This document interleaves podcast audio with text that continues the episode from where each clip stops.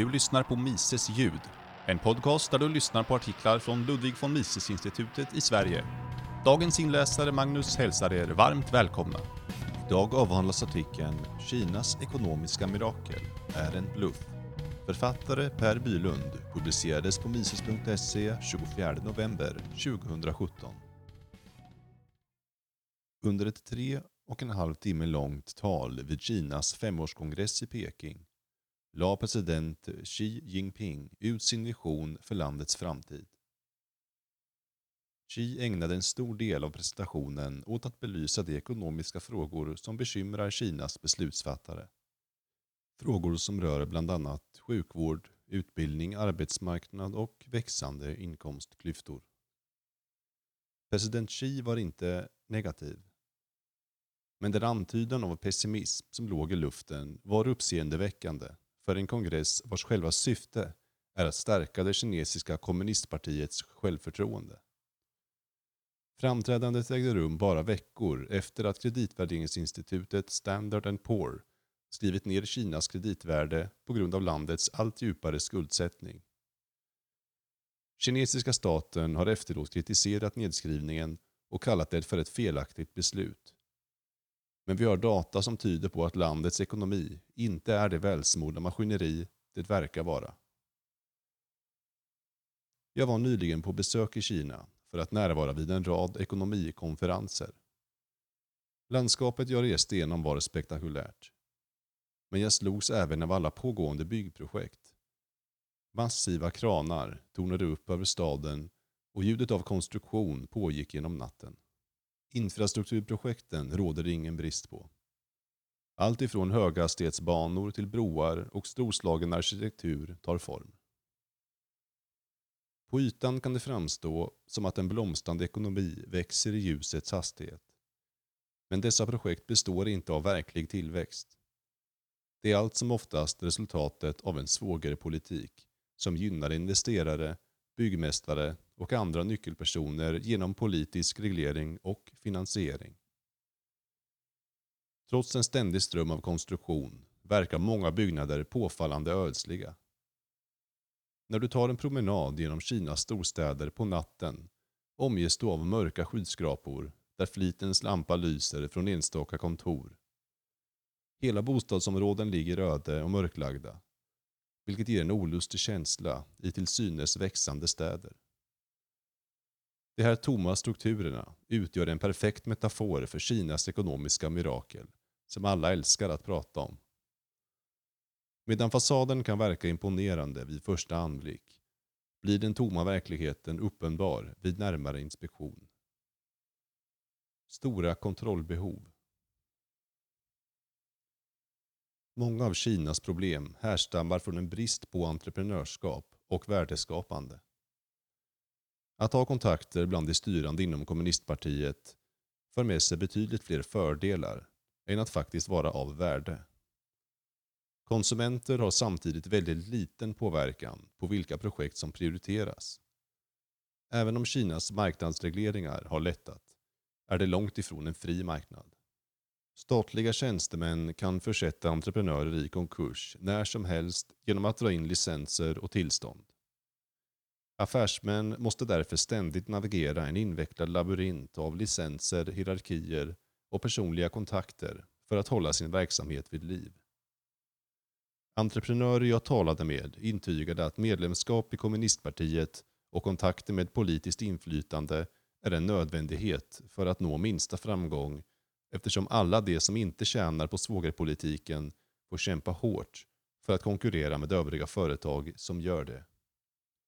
Denna kontroll över företagandet sträcker sig till ett naturresursdepartement som sätter strikta utvecklingskvoter som ibland direkt motverkar entreprenörernas intressen.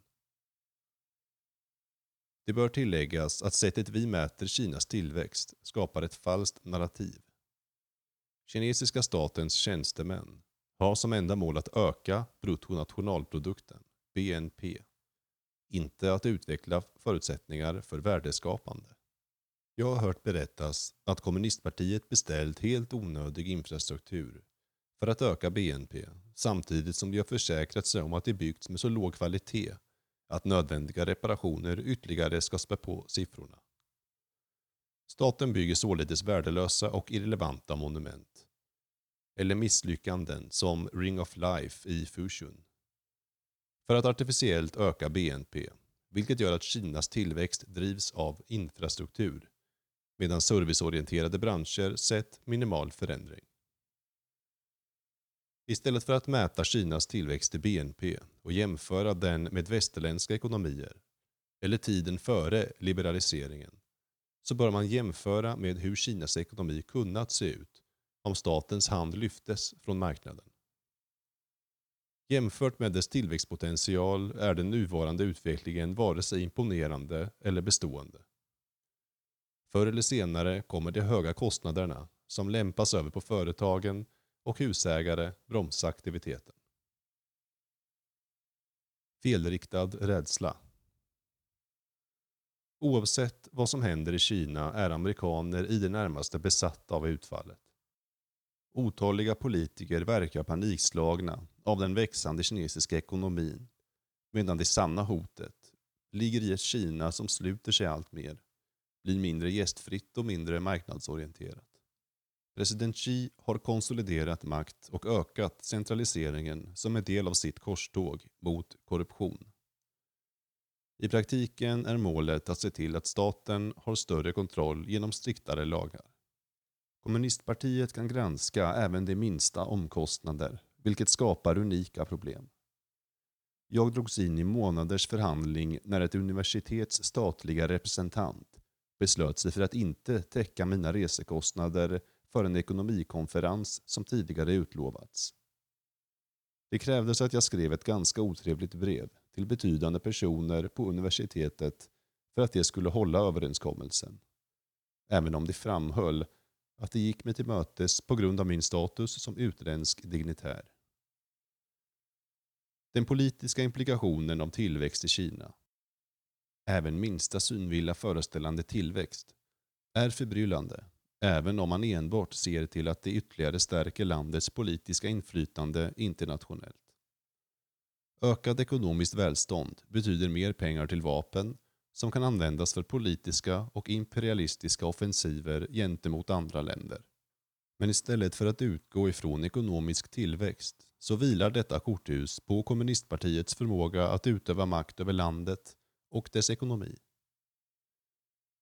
Landets växande internationella inflytande genom utlandsinvesteringar och projekt som One Belt, One Road innebär att många länders regeringar idag är beroende av fortsatt stöd från Kina. Man har alltså lånat ifrån USAs repertoar när man använder ekonomiskt inflytande och löften om investeringar som i sin tur skapar skuldsättning och beroende satellitstater.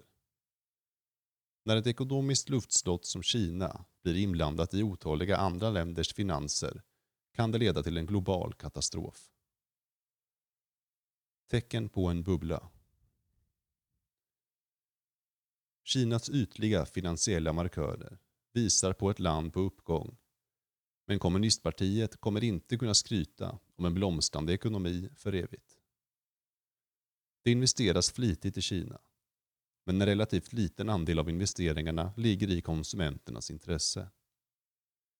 Kinesiska statens storslagna projekt är istället menade att krydda BNP-statistiken och stödja den billiga produktionen av varor åt utländska konsumenter. Tillväxt i Kina är alltså helt beroende av västerländsk konsumtion. Sann tillväxt över tid, å andra sidan, kommer från produktionen av varor och tjänster som folk köper av fri vilja. Vilket i realiteten bara kan tillgodoses av fri konkurrens och entreprenörskap.